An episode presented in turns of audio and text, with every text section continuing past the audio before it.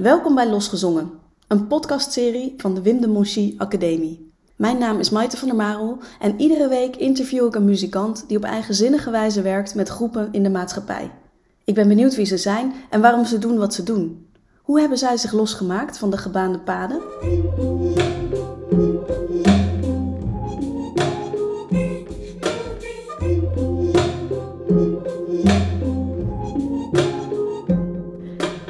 Vandaag spreek ik met Giel Buscher. Giel is componist en producer en de afgelopen negen jaar woonde en werkte hij in Londen, waar hij naast professioneel studiowerk veel communitywerk deed in achterstandswijken. Hij werkte met jongeren in buurthuizen en scholen en met kansarme gezinnen met jonge kinderen om door middel van het componeren van muziek te werken aan sociale doelen.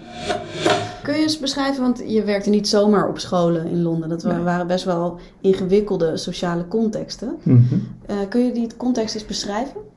Dat zijn vooral de scholen waar, uh, waar in de omgeving veel sociale-economische problemen zijn. Dus dan krijg je ja, de, de jongeren, risicojongeren, kansarme jongeren. En ook de jongeren die eigenlijk heel veel in petto hebben, maar geen kans krijgen om dat waar dan ook te uiten. Ik heb in Londen eh, veel gewerkt in een wijk, uh, in Barking en Dagenham. Um, toen ik daar begon, was die net bestempeld als een van de drie armste wijken van de hele Verenigd Koninkrijk. Um, en er was er nog een wijk in Schotland en een wijk in um, Ierland. Maar die wijk was, ja, het was niks. Toen we daar begonnen, um, zag die school er meer uit als een gevangenis dan een school. en nou, er is een nieuwe directeur ingezet en uh, wij zijn daar gekomen en zijn nog meer projecten zijn daar uh, terechtgekomen. Maar ja, over, met de tijd zie je dan wel verandering en zie je daar, zie je daar meer soort van vertrouwen in de mensen die daar zijn om te begeleiden. En wij waren er onderdeel van. En jij ging daar de school in. Dus als we even zo'n school pakken die eruit ziet als gevangenis. Ja. Uh, hoe, wat, wat kwam je daar? Want je kwam daar met Drumworks binnen. Ja, Was dat klopt. het project? Ja, dus drummen, samen drummen. Uh, super laagdrempelig. Uh, iedereen kan gelijk meedoen. Iedereen kan gelijk op zijn drum slaan. En uh, heel hoog tempo, heel erg dynamisch, heel erg direct. Um, dus de, de jongeren die, waarvan je normaal zou zeggen, die zouden hun aandacht niet bij de les houden, die hadden eigenlijk geen tijd om hun aandacht te verliezen. En dat is nou, een beetje um, de, de tempo waar we voor gaan. En dan uiteindelijk kan je dat tempo dan um, vertragen tot, uh, tot een tempo waarin je gesprekken kan hebben. Waarin je kan praten over creativiteit en waarin je dus ook kan experimenteren. En in dat proces, dat experimenteren, dat is soms heel moeilijk, want dan kan je dingen dus fout hebben. Um, en fout hebben helemaal in zo'n wijk waar street cred nogal uh, hoog op uh, ja, de lijst staat, de pikorde.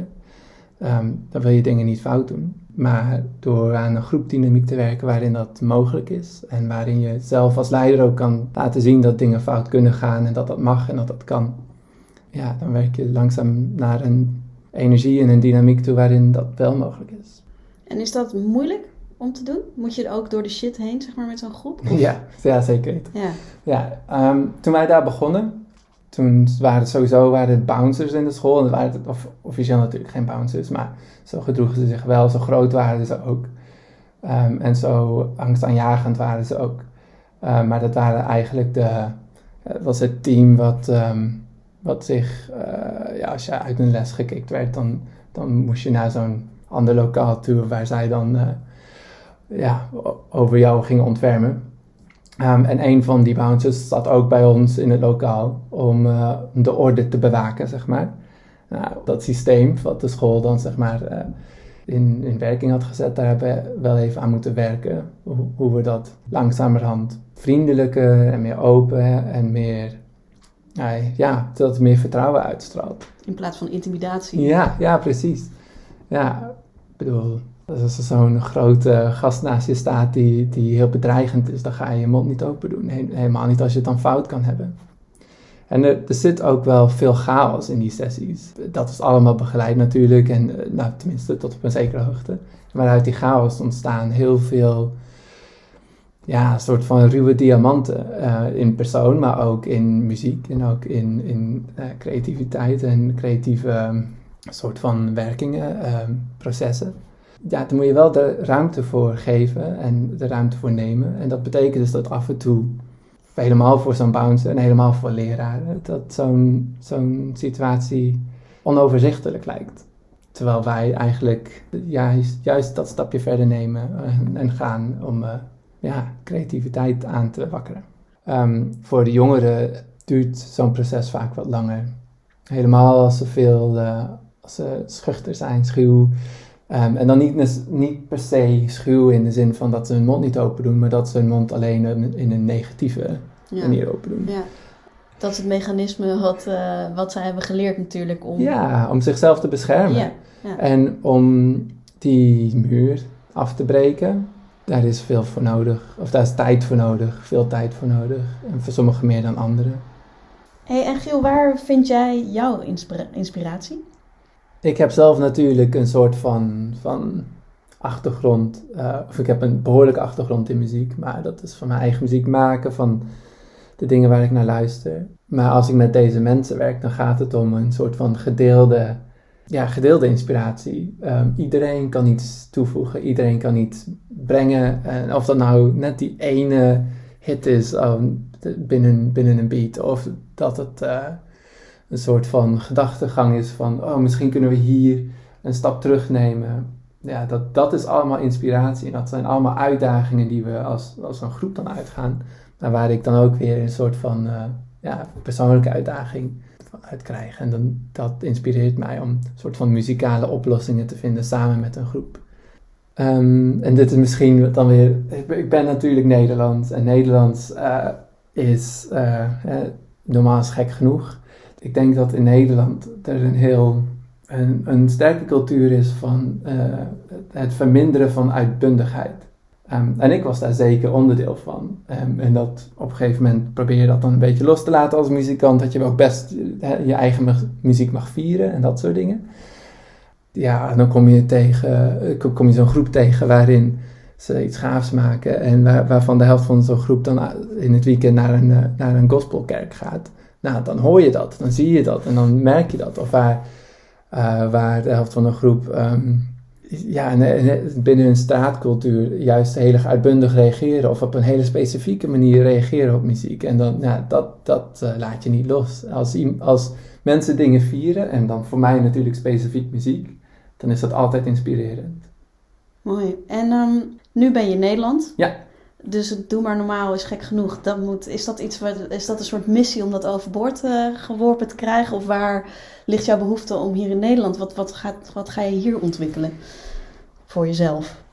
Of ik, onderzoeken? Ja, nou ja, ik denk wel, dat, dat, het is zeker onderdeel van waar ik over nadenk. Um, je bent natuurlijk bezig binnen een bepaalde cultuur. En die cultuur geeft een context waarin je je begeeft. En die context geeft aan waar je, je, je parameters zijn, zeg maar. Dus um, er zijn zeker dingen waar ik, waar ik voor mezelf binnen mijn projecten verandering in wil brengen. En ik denk ook dat het belangrijk is.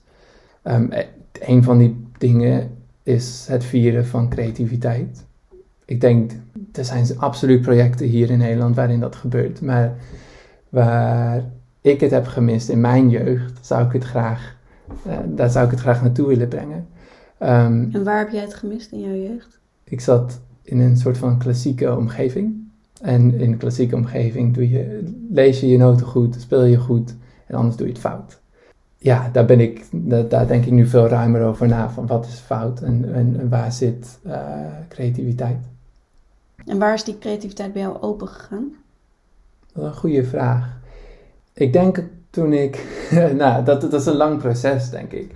Um, ik ben daar vroeg mee begonnen. Ik denk ook dat ik ben op een gegeven moment uit die orkesten gestapt omdat het niet meer ging voor mij op de manier waarop ik muziek wou maken.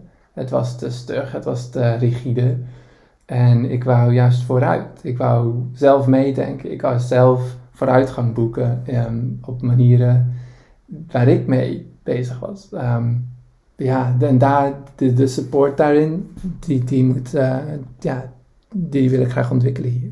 En dat, ja, ik denk ook dat dat een grote beeld heeft van um, uh, als je creatief mag zijn en dat wordt gesteund, dat, dat in muziek, dat je daar dan ook uiteindelijk baat bij hebt in, later in je leven. Dat als je innoveert, dat je daar die processen in, in weet te vinden. Dat als je vooruitgang boekt, dat je dat mag vieren.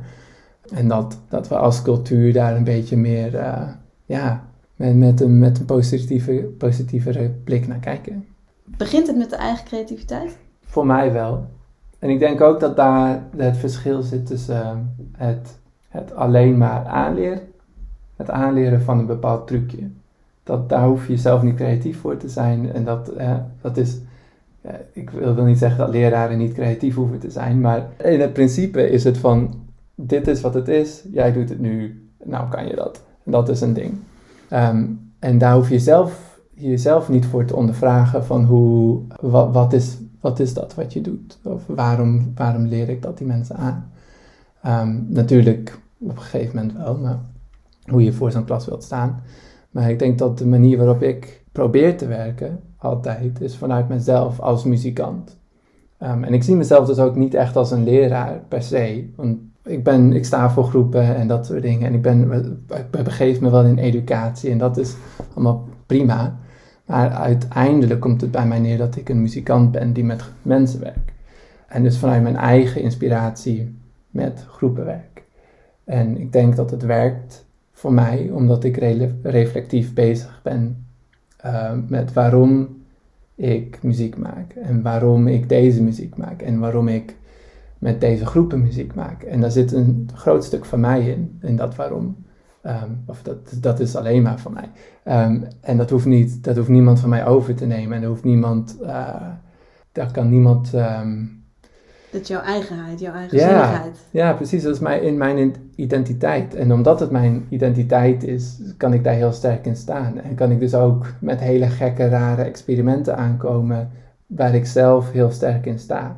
En ik denk om je eigen, om jezelf te kunnen zijn en jezelf te kunnen soort van profileren voor een groep, dat dat ook heel erg sterk werkt voor een groep die nog heel erg zoekende is. Voor een groep die nog heel erg zoekt naar zijn eigen identiteit. identiteit uh, of, of voor die persoon die nog heel erg zoekt naar zijn eigen identiteit. Dat het, dat het sterk is, dat het kracht uitstraalt uh, en dat het inspireert. Ja, dus die vraag aan jezelf stellen als maker, als muzikant. Wie ben ik? Wie ben ik? Waarom doe ik dat? Uh, en waarom doe ik dit? Um, en wa waar komt dat vandaan? En hoe wil ik dat vooruit brengen? Hoe wil ik dat, uh, hoe wil ik dat stuwen? Hoe wil ik mijn creativiteit uh, gebruiken om, om bepaalde dingen aan te kaarten? Um, ja, voor mij komt, begint dat allemaal vanuit mezelf. Mooi. Dankjewel, Giel. Geen dank. Je luisterde naar Losgezongen, een podcastserie van de Wim de Monchy Academie. Bedankt voor het luisteren. Ben je nieuwsgierig geworden? Check dan www.wimdemonchy.nl voor meer informatie.